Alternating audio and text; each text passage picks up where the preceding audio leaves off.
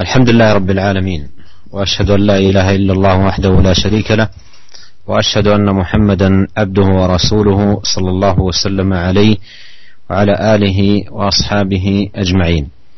أما بعد قبل الدخول في موضوع لقاء اليوم أحب أن أذكر شيئا يجول في نفسي وهو أن الله عز وجل يسر هذه الإذاعة إذاعة رجاء لأتواصل من خلالهم مع إخواني وأحبتي المستمعين والمستمعات آه، من خلال موضوعات مهمة وأحاديث نافعة منبثقة من كلام رسول الله صلوات الله وسلامه عليه. فحقيقة للقائمين على هذه الإذاعة إذاعة رجاء والداعمين لها مني جزيل الشكر على إتاحة هذه الفرصة الثمينة الطيبة للتواصل مع إخواني وأحبتي المستمعين في هذا البرنامج الذي هو عبارة عن حديث نبوي وتعليق عليه بما يتيسر ثم إجابة على أسئلة الإخوة المستمعين. فأدعو الله سبحانه وتعالى للقائمين على هذه الإذاعة بالتوفيق والسداد وأن يثبتنا وإياهم على الحق والهدى وأن يجعل أعمالهم كلها خالصة لوجهه الكريم وأن ينفع بهذه الإذاعة وأن يزيد مجالات بثها ومجالات انتفاع الناس بها لتغطي أماكن كثيرة من أهل هذا اللسان.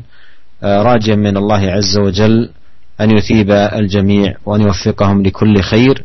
وأيضا آه، أشكر لأخي هنا عبد أبو عبد المحسن في رندا الذي جزاه الله خيرا يبذل جهدا طيبا في آه، الترجمة والتهيئة والإعداد لهذا اللقاء. وأيضا أشكر إخواني المستمعين على حسن استماعهم وحرصهم ورغبتهم في الفائدة. زادنا الله وإياهم جميعا توفيقا وتسديدا.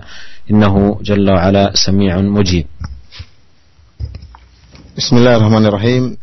Alhamdulillah segala puji dan syukur kita panjatkan kepada Allah Subhanahu wa taala, penguasa alam semesta ini dan kita bersaksi bahwasanya tidak ada sesembahan yang berhak untuk diserahkan segala ibadah kecuali hanyalah Allah Subhanahu wa taala.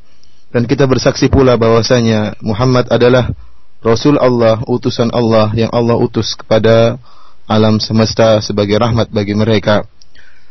Semoga salawat dan salam senantiasa tercurahkan kepada beliau dan sahabat beliau serta para pengikut beliau yang setia hingga akhir zaman kelak.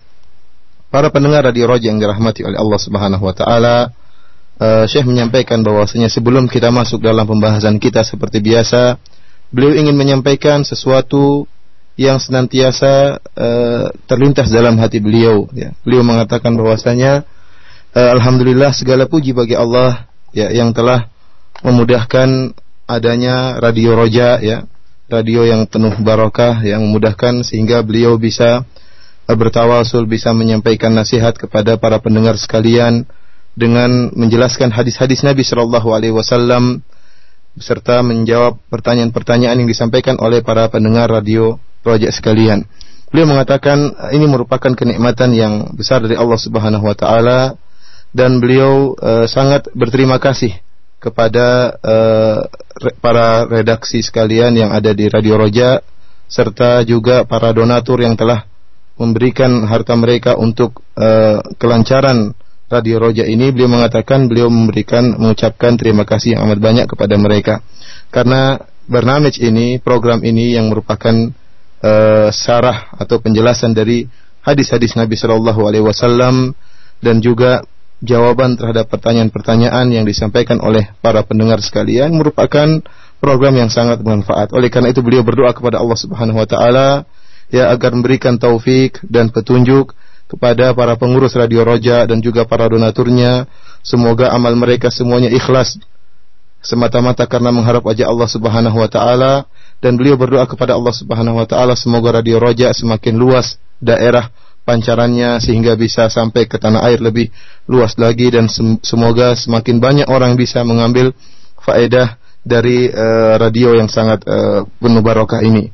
Uh, demikian doa beliau dan beliau juga uh, menyampaikan uh, terima kasih beliau kepada kepada anak yang sekedar hanya menerjemah dan juga menyiapkan uh, beberapa uh, sekedar untuk persiapan agar bisa beliau menyampaikan pengajian uh, ini.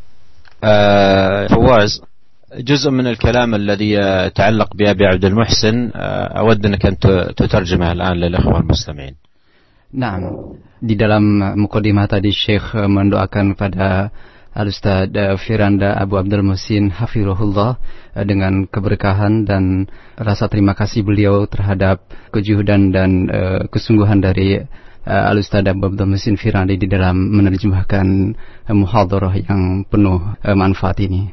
Nah, tafadhal ya Syekh. نبدأ الآن مستعينين بالله جل وعلا في حديث هذا اليوم حديث هذا اليوم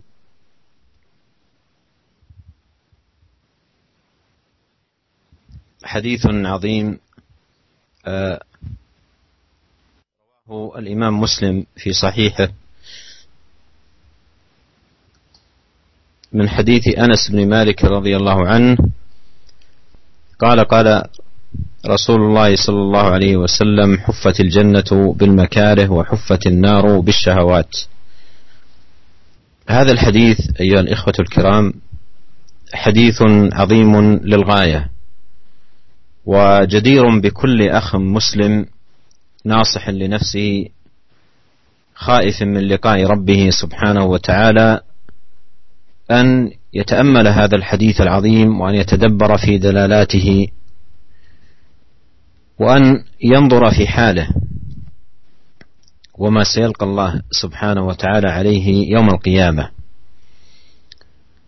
حديثنا أيها الإخوة حديث رواه الإمام مسلم عن نبي الله صلى الله عليه وسلم أنه قال حفت الجنة بالمكاره وحفت النار بالشهوات. ومعنى كلمة حفت من الحفاف وهو ما يحيط بالشيء. يحف به أي يحيط به بحيث لا يمكن أن يتوصل بالشيء إلا بتخطيه وتجاوزه. فالنار التي هي دار العذاب والجنة التي دار التي هي دار النعيم لا يمكن وصول أحد إليهما إلا من خلال ما حفتا به. وأخبر نبينا عليه الصلاة والسلام أن الجنة حفت بالمكاره وأن النار حفت بالشهوات. وهذا يدعو كل واحد منا إلى التنبه ومعرفة هذا الذي حفت به الجنة ليلزم نفسه به ويحرص على فعله والاتيان به حتى يصل إلى الجنة. وينظر في هذه الأشياء التي حفت بها النار وأحيطت بها النار حتى يحترز منها ويحتاط منها ويحذر من الوقوع فيها. قال عليه الصلاة والسلام حفت الجنة بالمكاره وحفت النار بالشهوات.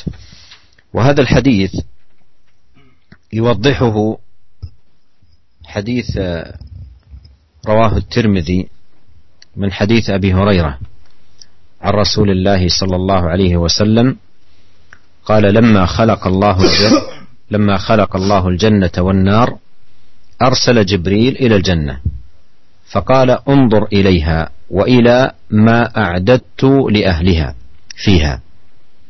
قال فجاءه فجاءها فنظر إليها وإلى ما أعد الله لأهلها فيها.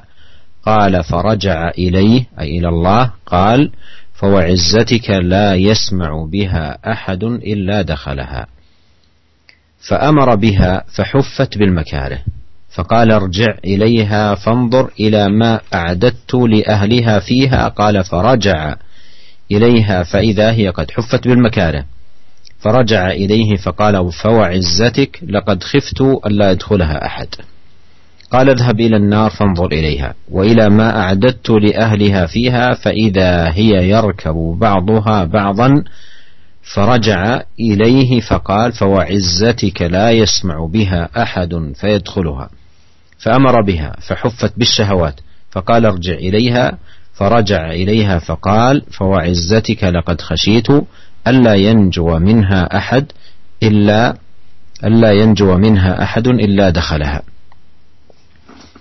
وهذا حديث قال عنه الترمذي حديث حسن صحيح وهو مفسر لحديث أنس المخرج في صحيح مسلم. Para pendengar radio Raja yang dirahmati oleh Allah Subhanahu wa taala, pembahasan kita pada pertemuan kali ini tentang sebuah, sebuah hadis yang azim, sebuah hadis yang sangat agung yang diriwayatkan oleh Al Imam Muslim dalam sahihnya dari hadis Anas bin Malik radhiyallahu taala anhu di mana Rasulullah Shallallahu Alaihi Wasallam pernah bersabda, "Huffatil jannatu bil makarih." Artinya bahwasanya surga itu diliputi dengan perkara-perkara yang dibenci. Kemudian Nabi juga bersabda, "Wa huffatin naru bis syahwat." Dan neraka itu, neraka jahanam itu diliputi dengan perkara-perkara yang merupakan syahwat.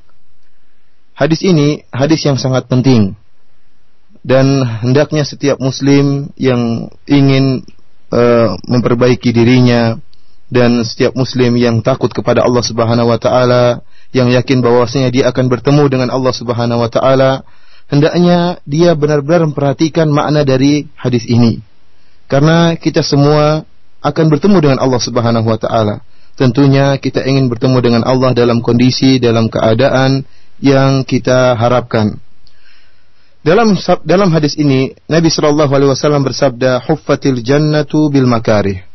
Rasulullah Shallallahu Alaihi Wasallam menggunakan kalimat huffat. Ya, huffat dalam bahasa Arab berasal dari hafaf. Yang hafaf yaitu itu artinya yaitu suatu yang meliputi atau mengelilingi sesuatu yang lain. Ya. Artinya apa? Kita kalau ingin sampai pada suatu tempat, ternyata tempat itu diliputi oleh perkara-perkara. Untuk bisa sampai ke tempat tersebut, kita harus melewati dan melompati perkara-perkara ini. Itulah gambaran tentang surga dan neraka. Bahwasanya surga itu diliputi dengan perkara-perkara yang dibenci, yang tidak disukai oleh manusia. Untuk bisa sampai ke surga, maka mau tidak mau kita harus melewati perkara-perkara tersebut, yaitu perkara-perkara yang dibenci dan tidak disukai oleh jiwa kita. Sebaliknya, neraka huffatil naru bisyahwat. Neraka itu diliputi oleh perkara-perkara yang merupakan disenangi oleh syahwat. Orang kalau sampai ke neraka, mau tidak mau dia akan melewati syahwat-syahwat tersebut. Dia akan memenuhi seluruh syahwat-syahwat tersebut sehingga akhirnya pun terjerumus dalam api neraka. Oleh karena itu para pendengar radio Raja yang dirahmati oleh Allah Subhanahu wa taala, hadis ini memberi peringatan kepada kita agar kita perlu mengetahui apa sih perkara-perkara yang meliputi surga? Apa sih perkara-perkara yang dibenci oleh jiwa kita yang telah meliputi surga? Agar kita tahu bahwasanya memang benar surga itu diliputi oleh perkara-perkara yang dibenci dan kita bisa bersabar dalam melewati perkara-perkara tersebut agar kita bisa sampai ke surga. Demikian juga hadis ini memberi tanbih kepada kita, peringatan kepada kita untuk ma'rifah, untuk mengenal perkara-perkara yang meliputi neraka apa saja perkara-perkara tersebut agar agar kita berhati-hati jangan sampai kita memenuhi syahwat kita terus uh, akhirnya kita pun menembus menembus syahwat tersebut sehingga akhirnya terjerumus dalam api neraka. Para pendengar radio Raja yang dirahmati oleh Allah Subhanahu wa taala, hadis ini uh, lebih jelasnya dijelaskan dalam hadis yang lain yang diriwayatkan oleh Al Imam Tirmidzi dalam sunannya dari sahabat Abu Hurairah radhiyallahu taala anhu di mana Rasulullah sallallahu alaihi wasallam bersabda, lama khalaqallahu al-jannata wan nar tatkala Allah Subhanahu wa taala menciptakan surga dan neraka Allah Subhanahu wa taala mengutus Jibril ke surga. Kemudian Allah berkata kepada Jibril wahai Jibril lihatlah ke dalam surga dan lihatlah perkara-perkara yang aku persiapkan untuk penduduk surga maka Jibril pun mendatangi surga dan melihat isi dalam surga tersebut dan melihat apa yang telah disiapkan oleh Allah bagi penduduk surga berupa kenikmatan-kenikmatan yang luar biasa. Maka setelah melihat apa yang ada dalam surga, raja'a ilaihi. Qala Jibril pun kembali kepada Allah dan berkata, "Fa izzatika la yasma'u bi ahadun illa dakhalaha."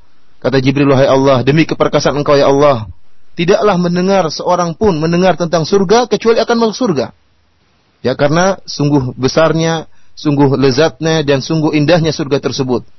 Fa'amara biha fahufat bil makarih. Maka Allah pun memerintahkan agar surga tadi diliputi dengan perkara-perkara yang dibenci. Setelah diliputi dengan perkara-perkara yang dibenci, Allah mengatakan, "Irji ilaiha." Wahai Jibril, lihat kembali surga tersebut. maka dan lihatlah apa yang telah aku siapkan untuk penduduk surga. Maka Jibril pun kembali ke surga dan setelah melihat ternyata surga diliputi dengan perkara-perkara yang dibenci oleh hawa nafsu, maka Jibril pun kembali kepada Allah dan berkata, "Fawa izzatika laqad khiftu alla yadkhulaha ahad." Kata Jibril, "Ya Allah, aku khawatir tidak seorang pun akan masuk ke dalam surga. Kenapa? Karena terlalu banyak perkara-perkara yang dibenci yang meliputi surga tersebut. Qala idhab ilan nar. Allah mengatakan, wahai Jibril, pergilah ke neraka. Dan lihatlah ke neraka tersebut. Dan apa siksaan-siksaan yang aku telah siapkan untuk penduduk neraka.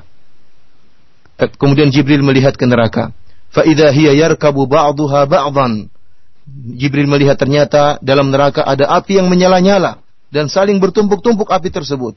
Kemudian Jibril pun kembali kepada Allah dan berkata, "Fa izzatika la yasma'u biha ahadun fayadkhulaha." Kata Jibril alaihissalam, "Ya Allah, tidak pun se tidak seorang pun yang mendengar tentang neraka dan kengerian yang terdapat dalam neraka kecuali tidak akan masuk dalam neraka. Kenapa? Siapa yang ingin masuk dalam neraka? Ter yang di, di mana dalamnya terdapat api yang bertumpuk-tumpuk, yang berkobar-kobar. Fa amara biha, huffat bisyahwat, maka Allah Subhanahu wa taala pun memerintahkan agar neraka diliputi dengan syahwat, perkara-perkara yang menyenangkan. Faqala irji ilaiha. Kemudian kata Allah, wahai Jibril, kembalilah ke neraka dan lihat. Lihatlah neraka tersebut. Setelah melihat neraka, setelah Jibril melihat neraka ternyata diliputi dengan perkara-perkara yang disenangi, yang disukai oleh syahwat. Maka apa kata Jibril? Fawa izzatika laqad khasyitu laqad khasyitu alla yanjuwa minha ahadun illa dakhalaha. Kata Jibril, Demi keperkasaan engkau ya Allah, aku khawatir tidak seorang pun yang mendengar tentang ini kecuali tidak akan selamat. Ya. Karena setiap orang senang dengan syahwat dan akan terjerumus dalam syahwat. Hadis ini berkata Imam Tirmidzi, "Hadza hadithun hasanun sahih." Ini adalah hadis yang hasan yang sahih. Dan ini merupakan hadis eh, sebagai tafsir dari hadis Anas yang akan kita bahas pada pengajian kita kali ini. أيها الإخوة الكرام حديث أنس وهو قول نبينا عليه الصلاة والسلام حفت الجنة بالمكاره وحفت النار بالشهوات.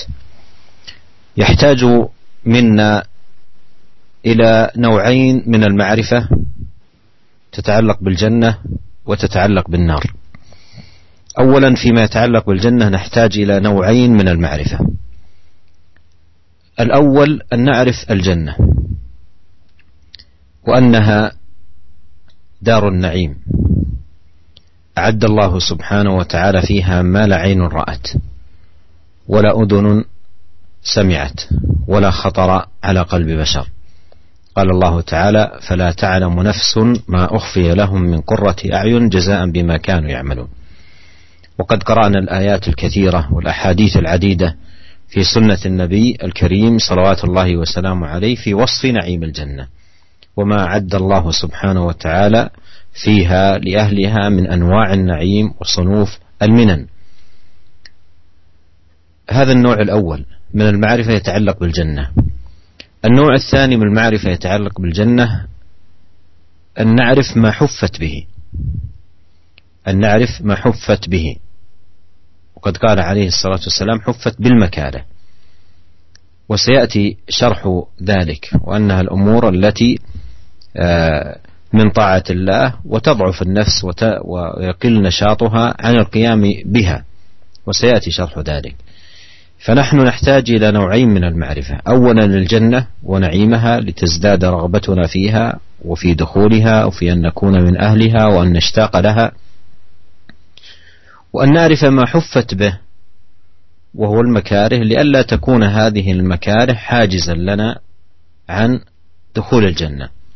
فإذا طاوع الإنسان نفسه وامتنع عن فعل هذه الأمور التي قد تكرهها نفسه أو تضعف عن القيام بها يؤدي ذلك إلى حرمانه من دخول الجنة. فإذا نحن نحتاج إلى هذين النوعين من المعرفة فيما يتعلق بالجنة أن نعرف الجنة ونعيمها ونعرف ما حفت به. وتكون معرفتنا بالجنة ونعيمها لنزداد رغبة وشوقا إليها وتكون معرفتنا بالمكاره التي حفت بها الجنة لئلا يكون ذلك حاجزا لنا عن دخولها. وفيما يتعلق بالنار أيضا نحتاج إلى نوعين من المعرفة. قال وحفت النار بالشهوات. فنحتاج أولا أن نعرف النار وأنها دار العذاب. أعدها الله سبحانه وتعالى ليعذب بها من عصاه وخرج عن طاعته. وأعد فيها أنواع العذاب والنكال والأهوال والشدائد.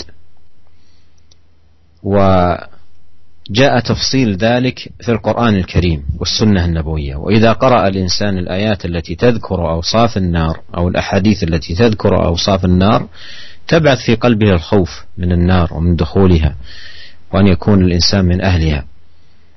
فإذا هذا نوع من المعرفة نحتاج إليه.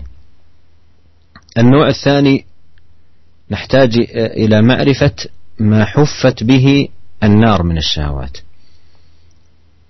وهذا أيضا نحتاج إليه. فنحن نحتاج إلى معرفة النار لنحذرها والوقوع فيها وأيضا نعرف الشهوات التي حفت بها النار من أجل أن نحذر من فعل تلك الشهوات فتسوقنا إلى النار التي لا نريد أن نكون من أهلها.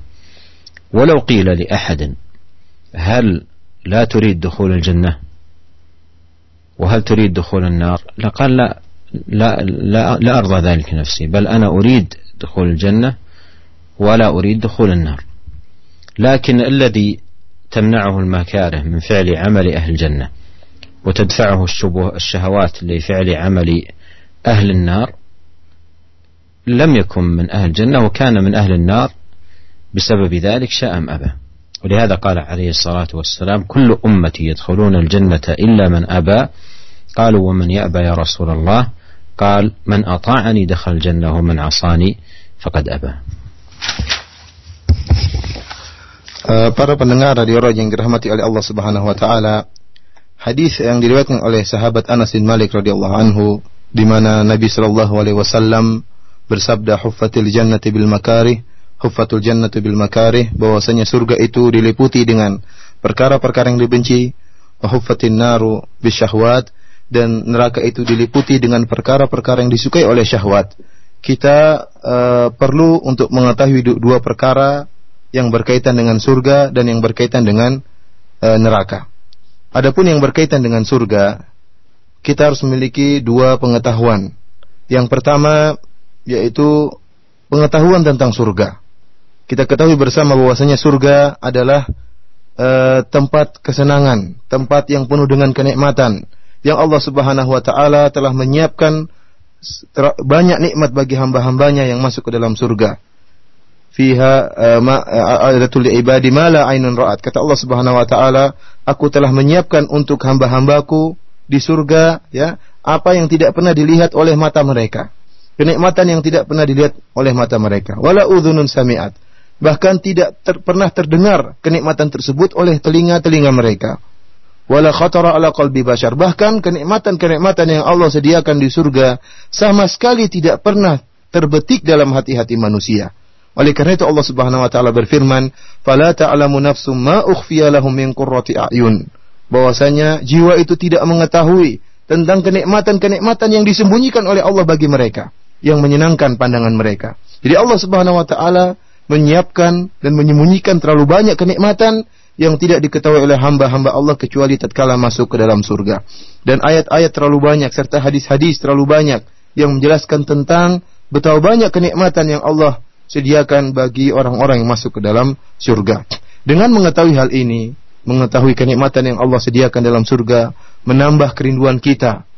Ya, syauk menambah kerinduan kita untuk bisa masuk ke dalam surga menambah kerinduan kita untuk bertemu dengan Allah Subhanahu wa taala. Adapun pengetahuan yang kedua yang perlu kita ketahui yang berkaitan dengan surga yaitu kita harus mengetahui apa sih perkara-perkara yang telah meliputi surga. Perkara-perkara yang kata Nabi Shallallahu alaihi wasallam bil makarih yaitu perkara-perkara yang dibenci, tidak disukai oleh jiwa. Bahwasanya perkara-perkara tersebut dibenci oleh jiwa dan ternyata telah meliputi surga.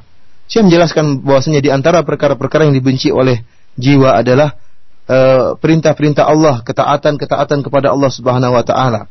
Karena apa? Karena terkadang jiwa itu lemah, ya, tad'af. jiwa itu lemah tatkala diperintahkan untuk menjalankan perintah Allah Subhanahu wa taala sehingga timbul kemalasan akhirnya meninggalkan perintah Allah Subhanahu wa taala. Dan insyaallah akan datang penjelasannya uh, lebih dalam lagi.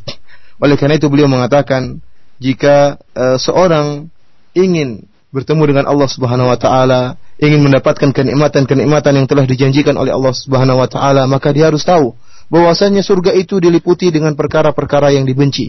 Maka dia harus mempersiapkan dirinya mempersiapkan dirinya untuk berhadapan dengan perkara-perkara yang dibenci tersebut. Jangan sampai akhirnya dia pun malas sehingga tatkala datang perintah Allah dia tinggalkan, tatkala ada perkara-perkara yang dibenci tidak dia lakukan, akhirnya dia pun terhalangi untuk merasakan kenikmatan Allah yang terdapat dalam surga. Ya. Oleh karena itu seorang yang sadar bahwasanya surga itu diliputi dengan, diliputi dengan perkara-perkara yang dibenci, maka tatkala dia berhadapan dengan perkara-perkara yang dibenci tersebut, perkara tadi, perkara-perkara yang dibenci tadi tidak menjadi halangan bagi dia, bahkan dia menjalankannya dengan penuh kesabaran sehingga akhirnya masuk ke dalam surga. Adapun perkara yang berkaitan dengan neraka, sabda Nabi sallallahu alaihi wasallam, "Huffatin naru bisyahwat." Bahwasanya neraka itu diliputi dengan syahwat, diliputi dengan perkara-perkara yang disukai oleh syahwat kita. Oleh karena itu kita harus memiliki dua pengetahuan yang berkaitan dengan e, neraka ini. Yang pertama, kita harus mengetahui bahwasanya neraka adalah tempat azab. Allah Subhanahu wa taala mengadab hamba-hambanya yang bermaksiat kepada Allah Subhanahu wa taala, yang keluar dari ketaatan Allah Subhanahu wa taala dalam api neraka. Allah mempersiapkan hal-hal yang sangat mengerikan, siksaan-siksaan yang sangat mengerikan yang Allah siapkan dalam api neraka untuk hamba-hambanya yang bermaksiat kepada Allah Subhanahu wa taala. Dan perincian tentang ngerinya neraka dan dahsyatnya neraka banyak terdapat dalam Al-Quran dan juga dalam hadis-hadis Nabi Shallallahu Alaihi Wasallam. Jika seorang hamba membaca ayat-ayat yang berkaitan tentang neraka dan baca tentang hadis-hadis yang menjelaskan tentang ngerinya dan dahsyatnya neraka, maka akan timbul rasa ketakutan dalam dirinya. Sehingga dia tentunya tidak ingin masuk dalam api neraka dan berusaha menjauhkan dirinya dari api neraka. Adapun pengetahuan yang kedua yang berkaitan dengan neraka, seorang hamba harus tahu bahwasanya Allah Subhanahu wa taala meliputkan memberikan meliputkan surga meliputkan neraka dengan perkara-perkara yang disukai oleh syahwat. Di neraka itu diliputi dengan perkara-perkara yang disenangi oleh nafsu, disenangi oleh syahwat. Oleh karena itu kita harus mengenal apa perkara-perkara tersebut.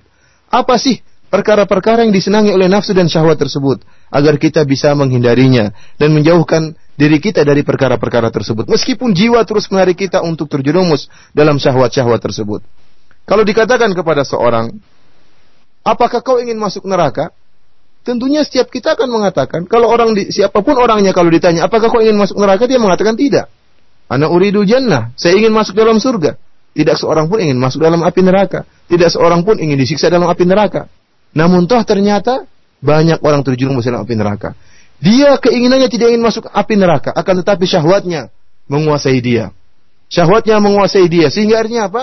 Keinginannya untuk masuk surga terkalahkan dengan syahwatnya sehingga dia pun uh, apa, uh, dia pun tenggelam dalam syahwat sehingga akhirnya terjerumus dalam api neraka yang sangat dahsyat. Oleh karena itu Rasulullah sallallahu alaihi wasallam pernah bersabda, "Kullu ummati yadkhuluna al-jannah illa man aba."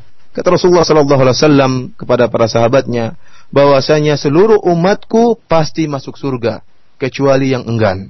Para sahabat heran tatkala mendengar pernyataan Rasulullah ini. Kecuali yang enggan masuk surga. Maka para sahabat bertanya, "Waman ya ya Rasulullah?" Siapa yang enggan masuk surga ya Rasulullah? Kata Rasulullah sallallahu alaihi wasallam, "Man ata'ani dakhalal jannah." Barang siapa yang taat kepadaku masuk surga. Wa man asani faqad aba. Dan barang siapa yang bermaksiat, mengikuti hawa nafsunya, mengikuti syahwatnya, maka sungguhnya dia telah enggan masuk surga. وفي هذا المقام أسوق نقلا عظيما عن إمام عالم آه، في شرحه لهذا الحديث وهو الإمام أبو زكريا يحيى بن شرف الدين النووي الشافعي رحمه الله في كتابه شرح آه، صحيح مسلم. ذكر كلاما عظيما ونافعا في بيان معنى هذا الحديث جدير بأن نتأمله. قال رحمه الله قال العلماء هذا من بديع الكلام وفصيحه وجوامعه التي أوتيها صلى الله عليه وسلم من التمثيل الحسن ومعناه لا يوصل إلى الجنة إلا بارتكاب المكاره والنار بالشهوات. وكذلك هما محجوبتان بهما فمن هتك الحجاب وصل إلى المحجوب. فهتك حجاب الجنة باقتحام المكاره وهتك حجاب النار بارتكاب الشهوات. فأما المكاره فيدخل فيها الاجتهاد في العبادات والمواظبة عليها والصبر على مشاقها وكظم الغيظ والعفو والحلم والصدقة والإحسان إلى المسيء والصبر عن الشهوات ونحو ذلك. وأما الشهوات التي النار محفوفة بها فالظاهر أنها الشهوات المحرمة كالخمر والزنا والنظر إلى الأجنبية والغيبة واستعمال الملاهي ونحو ذلك. وأما الشهوات المباحة فلا تدخل في هذه لكن يكره الإكثار منها مخافة أن يجر إلى المحرمة أو أن تجر إلى المحرمة أو أن يقسي القلب أو يشغل عن الطاعات أو يحوج إلى الاعتناء بتحصيل الدنيا للصرف فيها ونحو ذلك انتهى كلامه رحمه الله para pendengar radio Raja yang dirahmati oleh Allah Subhanahu wa taala, uh, pada kesempatan yang berbahagia ini Syekh membacakan perkataan dari Al-Imam An-Nawawi, salah seorang ulama besar dari kalangan ulama Syafi'iyah, tatkala beliau menjelaskan tentang syarah dari hadis ini dalam buku beliau Syarah dari Sahih Muslim. Kita uh, terjemahkan apa yang telah dibaca oleh Syekh. Uh, kata Al-Imam Nawawi rahimahullah bahwasanya para ulama berkata hadis ini merupakan kalimat yang sangat indah dan kalimat yang sangat fasih serta kalimat yang sangat uh, luas maknanya yang merupakan salah satu dari jawami al-kalim yang telah diberikan kepada Nabi Shallallahu Alaihi Wasallam di mana Nabi Shallallahu Alaihi Wasallam telah memberikan permisalan yang sangat indah. Dan makna daripada hadis ini artinya apa? Surga itu tidak mungkin bisa e, bis, seorang bisa sampai ke dalam surga kecuali dengan menjalankan perkara-perkara yang dibenci. Dan seorang tidak mungkin akan sampai ke neraka kecuali dengan mengerjakan perkara-perkara yang disukai oleh syahwat. Demikian pula surga dan neraka itu ternyata diliputi oleh perkara-perkara e, surga diliputi dengan perkara yang dibenci dan neraka diliputi dengan perkara-perkara yang disukai. Barang siapa yang membuka hijab, membuka penghalang, maka dia akan sampai kepada yang terhalang. Artinya apa? Surga telah dihalangi dengan perkara-perkara yang dibenci. Ya. Maka jika dia telah melampaui perkara-perkara tersebut, menembus perkara-perkara yang dibenci tadi, maka dia akan masuk dalam surga. Tidak mungkin seorang masuk dalam surga kecuali dengan menempuh perkara-perkara yang dibenci. Dan barang siapa yang telah membuka penghalang untuk masuk dalam api neraka, yaitu dengan me, uh, menjalankan syahwat-syahwat dan memuaskan memuaskan hawa nafsunya, maka dia akan masuk ke dalam api neraka. Kemudian kata Imam Nawawi, adapun perkara-perkara yang dibenci yang meliputi surga, kata beliau maka termasuk di dalamnya adalah al-ijtihad fil ibadat, yaitu kesungguhan dalam beribadah. Ini perkara yang dibenci tapi harus dijalani. Wal muwadhabah 'alaiha, kemudian kesinambungan, senantiasa terus beribadah dan beristihad di atas ibadah. Wasabru ala masyaqiha, demikian juga sabar dalam menjalankan kesulitan-kesulitan yang dihadapi tatkala beribadah kepada Allah Subhanahu wa taala. Dan termasuk di perkara yang dibenci yang meliputi surga adalah wa kadhmul ghaiz, kata beliau, menahan kemarahan, wal afu, kemudian memaafkan wasadaqah wal ihsan di antara perkara yang dibicarakan memaksa hawa nafsu untuk bersedekah untuk berbuat baik kepada orang yang berbuat kesalahan kepada kita itu termasuk perkara yang dibenci berbuat baik kepada orang yang berbuat jelek kepada kita namun itu perkara yang dibenci yang harus dilewati seorang agar bisa masuk dalam surga demikian juga termasuk makareh perkara yang dibenci wasabru anis syahwat wa nahwiha itu sabar di hadapan syahwat tidak memuaskan hawa nafsu. Di hadapan kita terlalu banyak syahwat dan kita harus bersabar. Dan itu perkara yang dibenci. Akan tapi itulah perkara-perkara yang bisa mengantarkan ke dalam surga. Kemudian kata Imam Nawawi, adapun syahwat yang meliputi api neraka, maka kata beliau zahirnya bahwasanya syahwat tersebut adalah syahwat yang diharamkan oleh Allah Subhanahu wa taala. Seperti minum bir, ya, khamar, kemudian zina. Ini semua perkara yang menyenangkan. Nazar ila ajnabiyah, melihat kepada wanita yang bukan yang tidak halal baginya. Kemudian ghibah, menceritakan kejelekan orang lain. Ini merupakan perkara yang menyenangkan, menceritakan keburukan orang lain. Wasti'malil malahi wa nahwi dzalik. Demikian juga menggunakan perkara-perkara yang melalaikan. Ini semua adalah perkara-perkara yang diharamkan oleh Allah Subhanahu wa taala yang telah meliputi api neraka. Kemudian kata Imam An-Nawawi, adapun syahwat yang diperbolehkan, perkara-perkara yang menyenangkan yang diperbolehkan, maka tidak masuk dalam uh, hadis ini. Akan tetapi kata beliau, dibenci seorang untuk memperbanyak melaksanakan syahwat-syahwat yang mubah. Kenapa? Karena orang yang terjerumus dan sering melakukan syahwat-syahwat yang mubah, dikhawatirkan akan menjerumuskan dia ke dalam syahwat-syahwat yang diharamkan. Dan orang yang senantiasa sibuk dengan perkara-perkara yang mubah dikhawatirkan akan mengeraskan hatinya dan menyibukkan dia dari ketaatan kepada Allah Subhanahu wa taala dan bisa jadi membuat dia condong untuk apa namanya tenang dengan dunia ya sehingga semuanya dihabiskan untuk dunia dan lupa dengan akhirat. Demikian uh, penjelasan dari Al Imam An Nawawi Asy Syafi'i rahimahullah.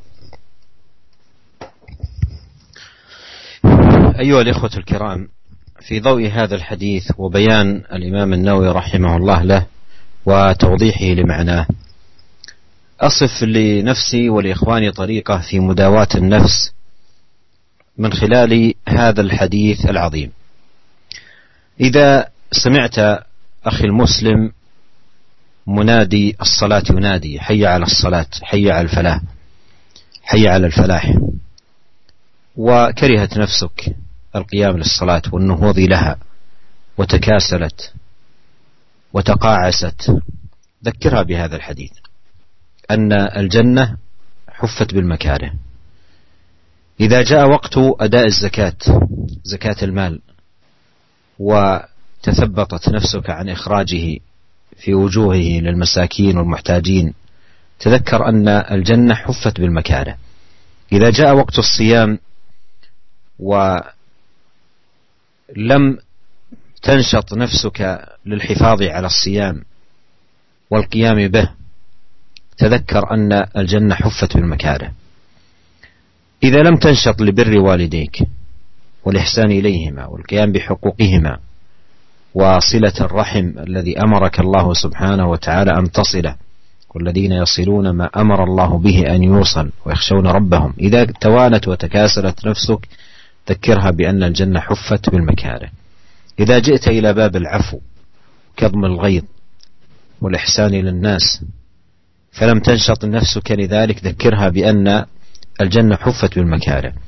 إذا جئت إلى باب الصبر على المصاب وصبت بمصيبة فتكاسلت نفسك عن ولم تنشط نفسك للصبر والاحتساب ذكرها بأن الجنة حفت بالمكاره في الباب الآخر إذا مالت نفسك إلى الفاحشة إلى الزنا إلى الغشيان المحرم ذكرها أن هذا من الشهوات التي حفت به النار وأنك إذا فعلت هذا الآن كان المصير إلى النار. إذا مالت نفسك إلى الربا وأنه طريق للربح السريع واكتساب المال ذكرها بأن هذا حرب لله ولرسوله وأنه يفضي بصاحبه إلى النار. إذا مالت نفسك لشرب الخمر وتعاطي المخدر ونحو ذلك من المشروبات المحرمة ذكرها أن الجن أن النار حفت بالشهوات أمور تشتهيها النفس وتميل إليها. إذا دعتك نفسك إلى سماع الأغاني والملاهي والمعازف أو دعتك نفسك إلى النظر إلى المحرمات من الأفلام الهابطة والمسلسلات الفاسدة والمناظر الخليعة والصور المشينة القبيحة ورغبت نفسك في ذلك ذكرها أن النار حفت بالشهوات ومر نفسك بغض البصر ومر نفسك بحفظ الفرج مر نفسك بكف اليد عن المحرمات ولا تطاوع نفسك في اتباع شهواتها وميولاتها لأن النار محفوفة بالشهوات وبهذا الحديث الموجز الألفاظ إذا, كن إذا كان معك دائما وتستحضره في كل مقام تجد أنه بإذن الله يعينك على المحافظة على الطاعات ويعينك على اجتناب المحرمات والبعد عنها ذكر نفسك أخي المستمع دائما بقول النبي عليه الصلاة والسلام حفت الجنة بالمكاره وحفت النار بالشهوات Para pendengar radio Raj yang dirahmati oleh Allah Subhanahu wa taala, yang dimuliakan oleh Allah Subhanahu wa taala, uh, kata beliau kata Syekh Hafizahullah bahwasanya pada uh, kesempatan ini beliau ingin uh, mengajak diri beliau serta mengajak para ikhwah sekalian, para pendengar sekalian ya, agar bagaimana kita bisa menerapkan hadis ini dalam kehidupan kita sehari-hari sehingga kita bisa terjauhkan dari syahwat dan sehingga kita bisa masuk dalam uh, surga Allah Subhanahu wa taala. Kata beliau, jika engkau mendengar seorang muadzin telah mengumandangkan azan dan mengatakan hayya 'alas shalah, hayya 'alal falah, marilah menuju salat dan marilah datang menuju kemenangan. Kemudian engkau dapati bahwasanya jiwamu malas, tidak ingin beranjak mengangkatkan kaki untuk menuju ke masjid, maka kata beliau, ingatkanlah dirimu dengan hadis ini bahwasanya memang surga itu diliputi dengan perkara-perkara yang dibenci. Kemudian kata beliau pula, jika datang waktu untuk membayar zakat dan kau dapati jiwamu malas atau menunda-nunda untuk membayar zakat, maka ingatkanlah dirimu bahwasanya memang surga itu diliputi dengan perkara-perkara yang dibenci. Maka engkau pun akan semangat untuk membayar zakat dan bersegera membayar zakat. Jika datang waktu puasa, datang bulan Ramadan dan engkau dapati bahwasanya dirimu malas untuk berpuasa, malas untuk menjalankan ibadah puasa, maka ingatkanlah dirimu bahwasanya memang demikian. Surga itu diliputi dengan perkara-perkara yang dibenci oleh nafsu kita. Kemudian jika engkau dapati engkau itu malas untuk berbakti kepada orang tua, malas untuk birrul walidain, malas untuk menyenangkan kedua orang tua, dan malas untuk bersilaturahmi, maka ingatlah bahwasanya memang surga itu diliputi dengan perkara-perkara yang dibenci perkara-perkara yang dibenci oleh uh, nafsu kita.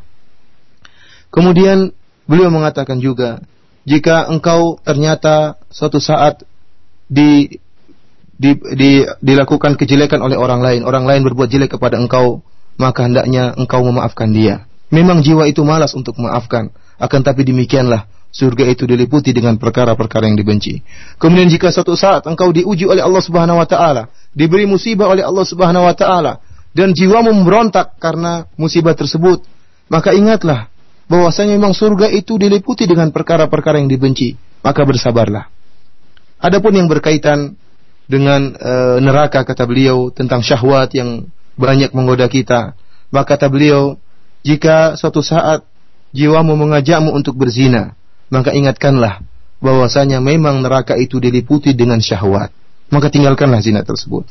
Jika engkau akhirnya mengikuti nafsumu, mengikuti syahwatmu, maka engkau akan terhalangi dari surga dan akan masuk ke dalam api neraka.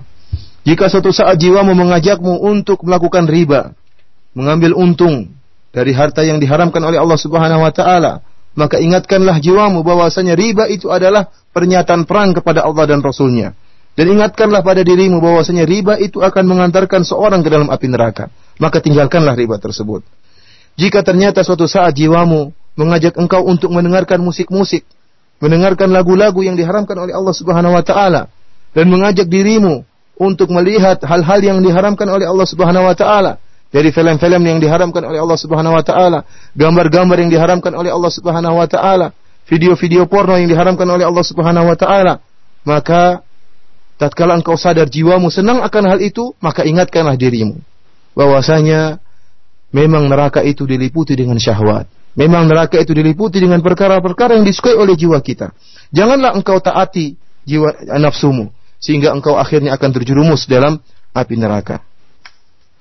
Oleh karena itu para pendengar radio roh yang dirahmati oleh Allah Subhanahu wa taala, jika seorang hamba senantiasa mengingat hadis ini, menjadikan hadis ini adalah teman hidupnya, selalu dia tegur jiwanya, tegur nafsunya dengan hadis ini, ingatkan nafsunya dengan hadis ini, maka insya Allah akan memudahkan dia untuk menjalankan perintah Allah Subhanahu wa taala dan mudahkan dia untuk menjauhkan dirinya dari hal-hal yang diharamkan oleh Allah Subhanahu wa taala. وفي كلام أيضا جميل للحافظ ابن حجر رحمه الله في كتابه فتح الباري لأن البخاري خرج هذا الحديث من حديث أبي هريرة. واتفق على إخراجه هو الإمام مسلم من حديث أبي هريرة وانفرد مسلم برواية هذا الحديث من حديث أنس بن مالك. فيقول الحافظ بن حجر في شرح هذا الحديث يقول وهو من جوامع كلمه صلى الله عليه وسلم وبديع بلاغته في ذم الشهوات وإن مالت إليها النفوس. يقول وهو من جوامع كلمه صلى الله عليه وسلم وبديع بلاغته في ذم الشهوات وإن مالت إليها النفوس والحظ أي الحث والحظ على الطاعات وإن كرهتها النفوس وشقت عليها. Uh, pada kesempatan kali ini ini pula Syekh membacakan perkataan dari Al-Hafiz Ibnu Hajar dalam kitabnya Fathul Bari yang Fathul Bari merupakan kitab dari syarah Sahih Al-Bukhari dan kita ketahui bersama bahwasanya hadis ini juga diriwayatkan oleh Abu Hurairah radhiyallahu anhu dan diriwayatkan oleh Imam Al-Bukhari. Adapun hadis yang diriwayatkan dalam melalui sahabat Anas bin Malik maka hanya diriwayatkan oleh Al-Imam Muslim. Al-Hafiz Ibnu Hajar dalam kitabnya Fathul Bari mengatakan tentang hadis ini wa huwa min jawami'i kalimihi sallallahu alaihi wasallam. Hadis ini merupakan salah satu dari jawami'ul kalim yang diberikan kepada Nabi sallallahu alaihi wasallam, yaitu kalimat-kalimat yang singkat namun mengandung makna yang sangat luas. Wa badi'i balaghatihi dan sungguh tinggi balaghahnya, ya, sungguh tinggi tata bahasanya. Fi syahwat wa in malat ilaihan nufus. Yaitu tentang eh, celaan terhadap syahwat. Meskipun jiwa-jiwa itu condong kepada syahwat. Ya, jadi hadis ini benar-benar mengingatkan kepada kita, memang jiwa itu condong kepada syahwat, akan tapi syahwat itu telah dicela. Wal haddu ala ta'at wa inkarihatha wa inkarihatha nufus wa syaqqat 'alaiha. Dan hadis ini juga memberi dorongan kepada kita untuk melakukan ketaatan-ketaatan kepada Allah Subhanahu wa taala. Meskipun ketaatan-ketaatan tersebut dibenci oleh jiwa dan berat oleh nafsu kita. Inilah perkataan yang indah dari Al-Hafidh Ibnu Hajar rahimahullah. وأختم هذا اللقاء بدعاء ثابت عن النبي صلى الله عليه وسلم له تعلق بموضوعنا وفي مسند الإمام أحمد من حديث عائشة رضي الله عنها لما علمها رضي الله عنها ما تدعو به والدعاء طويل لكنني أكتفي منه بما له صلة بموضوعنا وهو قوله عليه الصلاة والسلام في دعائه اللهم إني أسألك الجنة وما قرب إليها من قول أو عمل وأعوذ بك من النار وما قرب إليها من قول أو عمل. ولنتأمل أيها الإخوة في هذه الدعوة العظيمة المأثورة عن نبينا عليه الصلاة والسلام فإنها نافعة في هذا الباب. باب الحذر آه، من النار وما حفت به والحرص على الجنة وما حفت به لأنه قال أسألك الجنة وما قرب إليها من قول أو عمل. وأعوذ بك من النار وما قرب إليها من قول عمل. فالواجب على العبد أن يسأل الله الجنة وكل أمر يقرب إلى الجنة وأن يتعوذ بالله من النار وكل أمر يقرب من النار. إذا خلصنا إلى فائدة عظيمة استفدناها هذا اليوم. وهي قول نبينا عليه الصلاة والسلام حفت الجنة بالمكاره وحفت النار بالشهوات. وأيضا تعلمنا دعوة عظيمة مباركة تعين على تحقيق هذا المقصد وتساعد على القيام به وهي قول نبينا عليه الصلاة والسلام اللهم إني أسألك الجنة وما قرب إليها من قول أو عمل وأعوذ بك من النار وما قرب إليها من قول أو عمل. وبهذا نصل إلى تمام لقائنا هذا اليوم سائلين الله أن يتقبل منا آه، ذلك بقبول حسن إنه تبارك وتعالى سميع مجيب جواد كريم الله أعلم وصلى الله وسلم على رسول الله Dan Syekh menutup pengajian kita pada hari ini, pada sore hari ini atau malam hari di tanah air dengan sebuah doa yang sangat indah yang ada kaitannya dengan pembahasan kita ini sebuah doa yang diriwayatkan oleh Imam Ahmad dalam musnadnya dari hadis Aisyah radhiyallahu taala anha di mana Nabi Shallallahu alaihi wasallam pernah mengajarkan Aisyah dengan sebuah doa yang sangat panjang. Namun kita hanya mencuplik doa yang berkaitan dengan pembahasan kita ini di mana Nabi Shallallahu alaihi wasallam pernah berdoa Allahumma inni as'alukal jannata wa ma qarraba ilaiha min qaulin wa amal yang artinya ya Allah aku minta kepada engkau surga untuk masuk ke dalam surga dan perkara-perkara yang mendekatkan kepada surga, memudahkan kita untuk menjalankan perkara-perkara yang bisa mendekatkan kita ke dalam surga.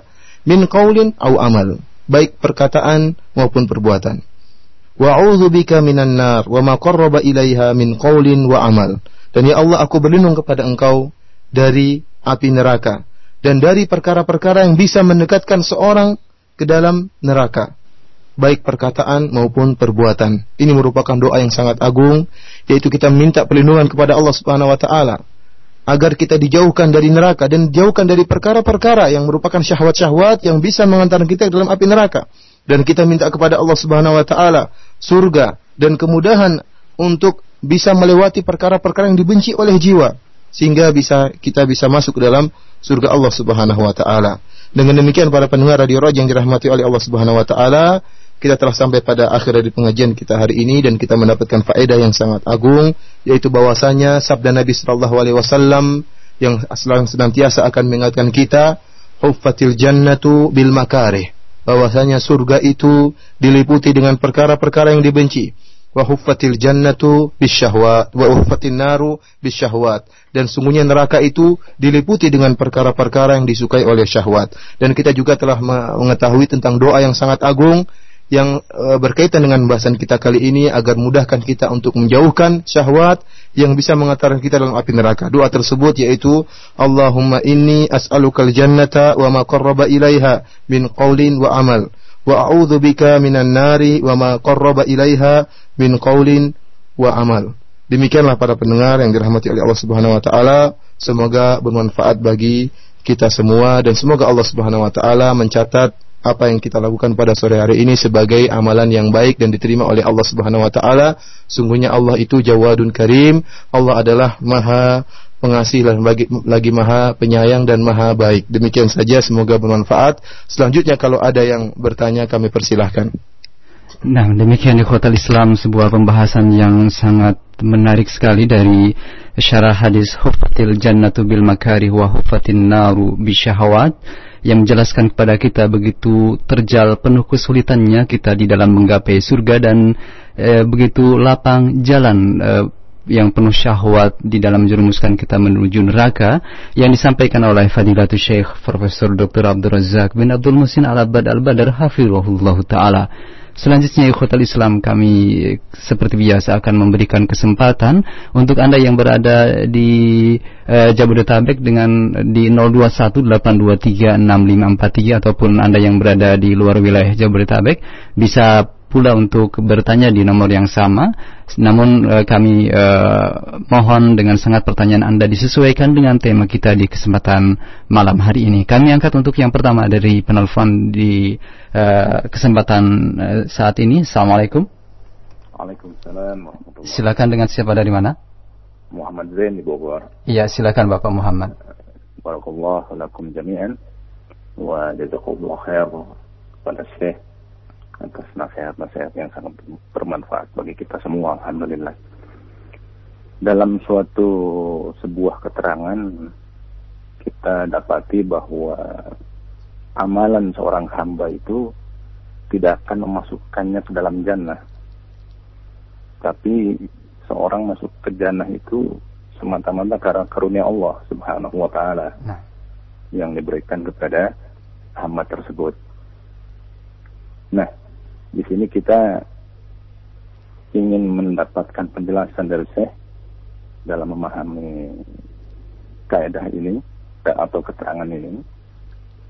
Ditambah lagi beberapa apa riwayat atau kisah yang kita dapati bahwa baik orang dahulu maupun sekarang yang mereka itu ahlul ma'asi kemudian orang-orang yang belum masuk Islam tapi dengan sedikit amalan saja dapat memasukkan mereka ke dalam surga dan diampuni oleh Allah dosa-dosanya. Tetapi dalam kisah lain banyak pula diceritakan bahwa orang-orang yang saleh melakukan ketaatan, melakukan amalan dengan sedikit saja dia melanggar, kemudian bermaksiat, maka memasukkan dia ke dalam neraka. Ini bagaimana pandangan terhadap nah. masalah ini? Jazakallah khair. Oh, iya kan. Assalamualaikum. Waalaikumsalam warahmatullahi wabarakatuh. Terima kasih untuk uh, Bapak Muhammad di Bogor. Silakan. يقول يعني ما قولك في حديث يعني نريد شرح هذا الحديث هو لا يدخل الجنة أحد بعمله ولكن برحمة الله معنى الحديث هكذا هذا سؤال أول سؤال ثاني يقول نجد قصص أو أحاديث روايات كأن هذا طالب علم هذا. سائل يقول في روايات آه، تدل أن بعض يعني أهل الطاعات أخطأ قليلا وعصى الله وبهذه المعصية دخل دخل النار. وبالعكس يوجد رواية تدل على هناك يعني أناس أهل المعاصي وغارق المعاصي ثم فعل شيئا من الخيرات وسبب دخوله في الجنة. كيف توفيق بينهم؟ جاء في الحديث عن نبينا صلوات الله وسلامه عليه أنه قال لن يدخل أحد الجنة بعمله. قالوا ولا أنت يا رسول الله؟ قال ولا أنا إلا أن يتغمدني الله برحمته. وهذا الحديث لا يتعارض مع الأحاديث والآيات الكثيرة الدالة على أن دخول الجنة بسبب الأعمال. مثل قول الله تعالى ادخلوا الجنة بما كنتم تعملون. ونظائر ذلك من الأدلة وهي كثيرة التي فيها الدلالة على أن الأعمال سبب لدخول الجنة. فلا تعارض بين هذه النصوص الكثيرة وبين قوله عليه الصلاة والسلام لن يدخل أحد الجنة بعمله لأن الباء في الموضعين مختلفة. الباء في قوله لن يدخل أحد الجنة بعمله. تختلف عن الباء في قوله ادخلوا الجنة بما كنتم تعملون. فالباء في قوله ادخلوا الجنة بما كنتم تعملون هذه السببية أي بسبب أعمالكم. فالأعمال سبب دخول آه، سبب لدخول الجنة. جعلها الله سبحانه وتعالى سببا لدخول الجنة. ولهذا يتفاوت أهل الجنة في درجات الجنة بحسب تفاوتهم في الأعمال. كما قال الله سبحانه وتعالى ولكل درجات مما عملوا مما عملوا. فالأعمال يتفاوت بها أهل الجنة في الجنة وهي أيضا سبب لدخولهم الجنة. أما قوله عليه الصلاة والسلام لن يدخل أحد الجنة بعمله فالباء هنا على وجه المقابلة ليست سببية وإنما هي على وجه المقابلة. فالعمل مهما عظم وكبر وكثر ليس مقابلا ولا ينهض أن يكون مقابلا لدخول الجنة. فدخول الجنة برحمة الله وجعل الله سبحانه وتعالى الأعمال سببا للدخول. هذا الذي ذكر أهل العلم في التوفيق بين آه، هذا الحديث والنصوص الكثيرة التي فيها أن الأعمال سبب آه، لدخول الجنة وليس هناك أي تعارض مطلقا بين الآيات والأحاديث الصحيحة الثابتة عن رسول الله صلوات الله وسلامه عليه Uh, Syekh Abdul Razak menjelaskan bahwasanya ada, ada sebuah hadis yang sahih di mana Nabi Shallallahu alaihi wasallam pernah bersabda la yadkhula ahadun al jannah la yadkhula ahadun al jannata bi amalihi seorang tidak seorang pun akan masuk surga dengan amalannya Para sahabat berkata, "Wala anta ya Rasulullah, engkau pun demikian ya Rasulullah tidak masuk surga karena amalanmu?" Kata Rasulullah, "Iya." Illa ayyataghammadani Allahu bi rahmatihi. Kecuali karena Allah Subhanahu wa taala telah merahmati aku sehingga aku masuk ke dalam surga. Ya, hadis ini hadis yang yang sahih. Bahwasanya seorang tidak masuk surga dengan amalannya. Saya menjelaskan bahwasanya hadis ini sama sekali tidak bertentangan dengan ayat yang banyak dan hadis-hadis yang banyak yang menunjukkan bahwasanya sebab masuk orang seorang masuk dalam surga adalah karena amalannya, sebab amalannya.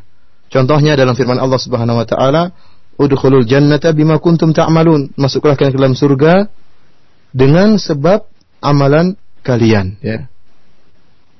Tilkal jannatu uristumuha bima kuntum ta'malun. Allah Subhanahu wa taala berfirman juga, inilah surga yang kalian diberikan surga tersebut oleh Allah Subhanahu wa taala bima kuntum ta'malun. Karena amalan perbuatan kalian. Oleh karena itu ayat-ayat seperti ini menunjukkan bahwasanya amal itu amal soleh merupakan sebab masuknya seorang ke dalam surga. Namun di sini ada poin yang harus diperhatikan. Dalam bahasa Arab ada bermacam-macam ba, ya.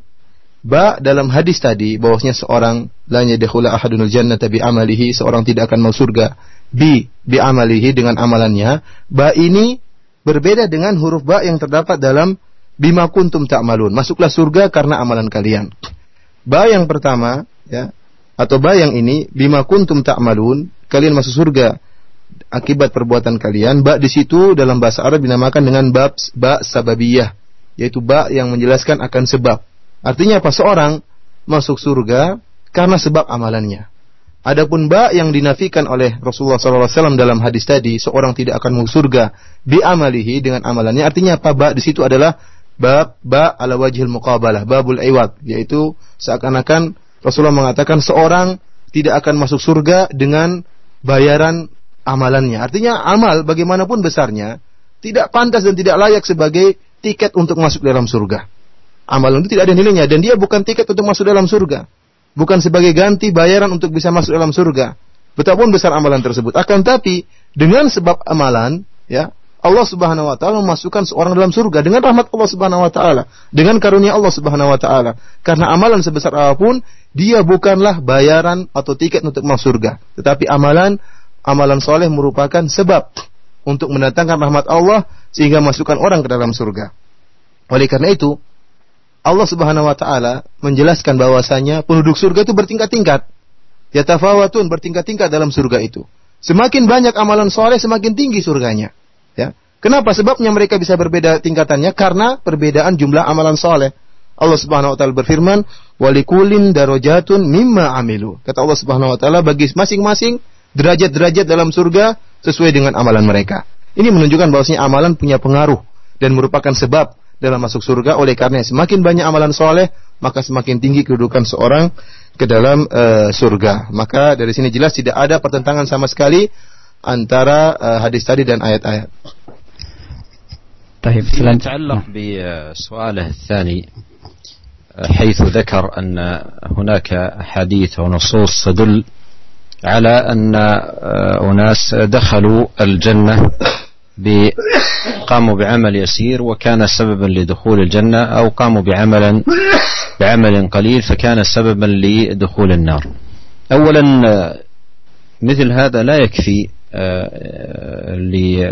للدخول في تفاصيل مثل هذا الجواب حتى تكون الأمثلة حاضرة.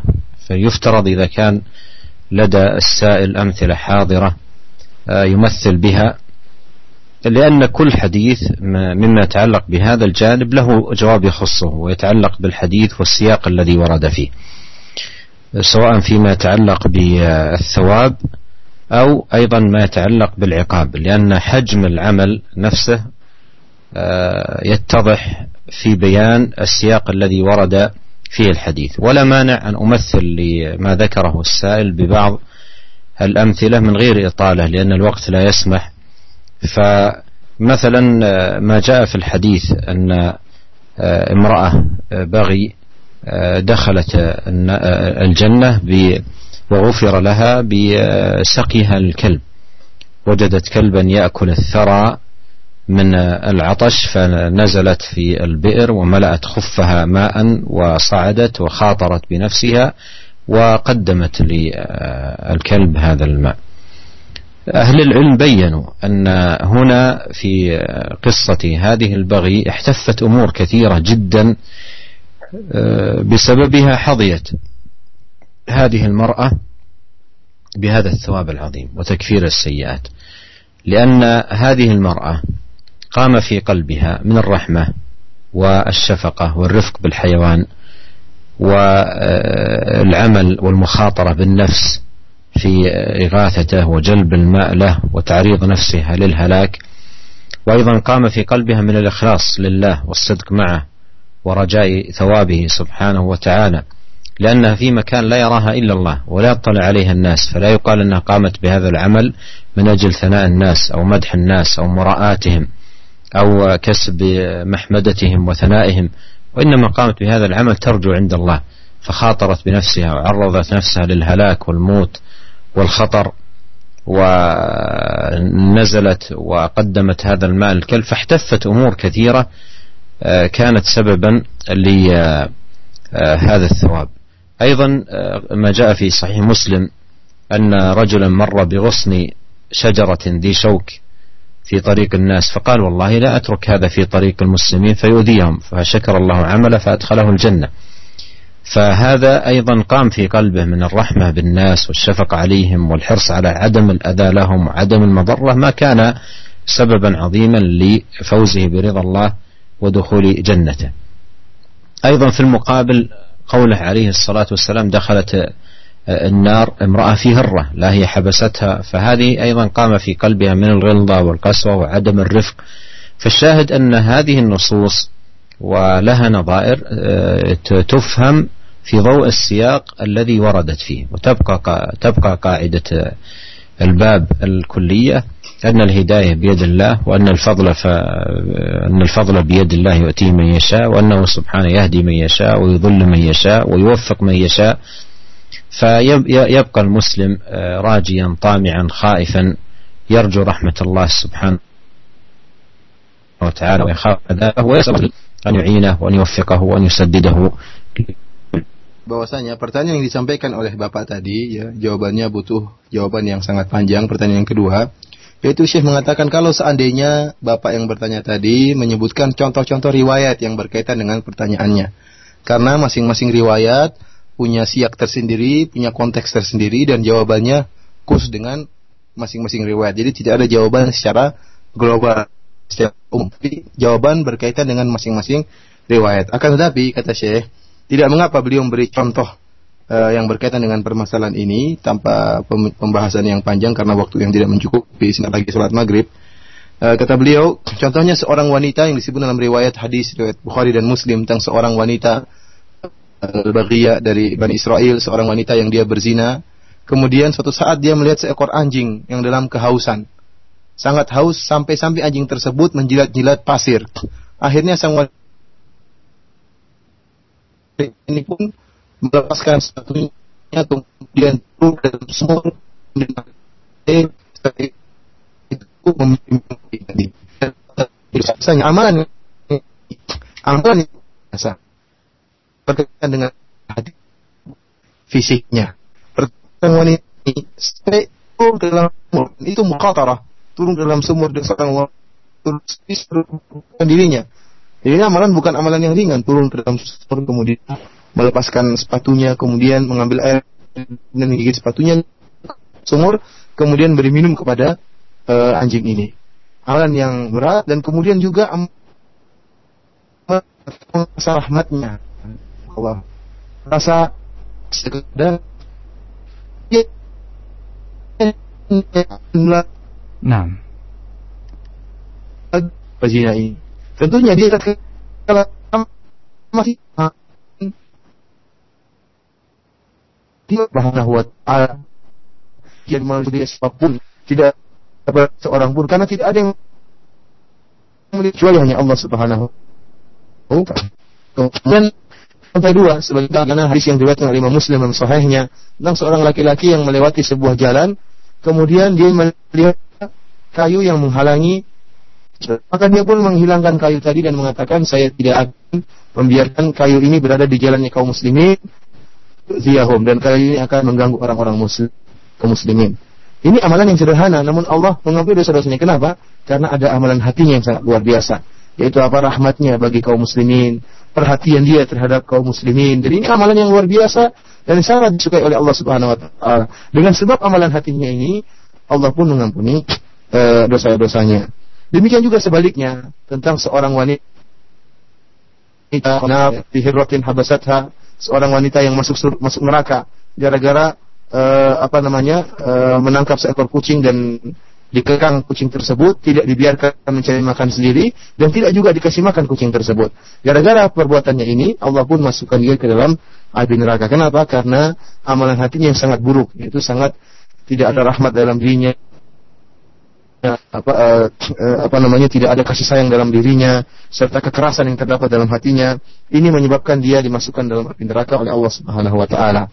Bagaimana pula Bapak eh, para pendengar radio yang dirahmati oleh Allah Subhanahu wa taala, kita kembali kepada kaidah yang umum bahwasanya semuanya di tangan Allah Subhanahu wa taala. Hidayah di tangan Allah Subhanahu wa taala. Allah memberi petunjuk kepada yang Allah kehendaki. Kemudian karunia di tangan Allah Subhanahu wa taala. Allah mengampuni yang Allah kehendaki.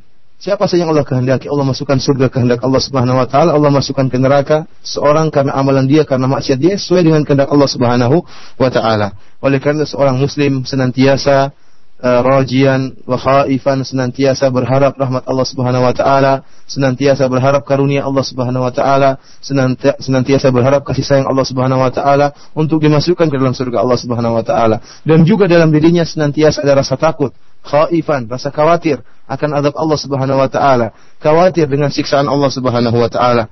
Sehingga dalam hatinya senantiasa terdapat roja dan khauf, harapan terhadap karunia Allah dan takut kepada siksa Allah Subhanahu wa taala. Uh, demikian saja para pendengar Radio Rajing rahmati Allah Subhanahu wa taala karena waktu yang tidak memungkinkan. Ya. Demikian atas perhatiannya kami ucapkan uh, jazakumullah khairan. Wabillahi taufiq wal hidayah. Assalamualaikum warahmatullahi wabarakatuh.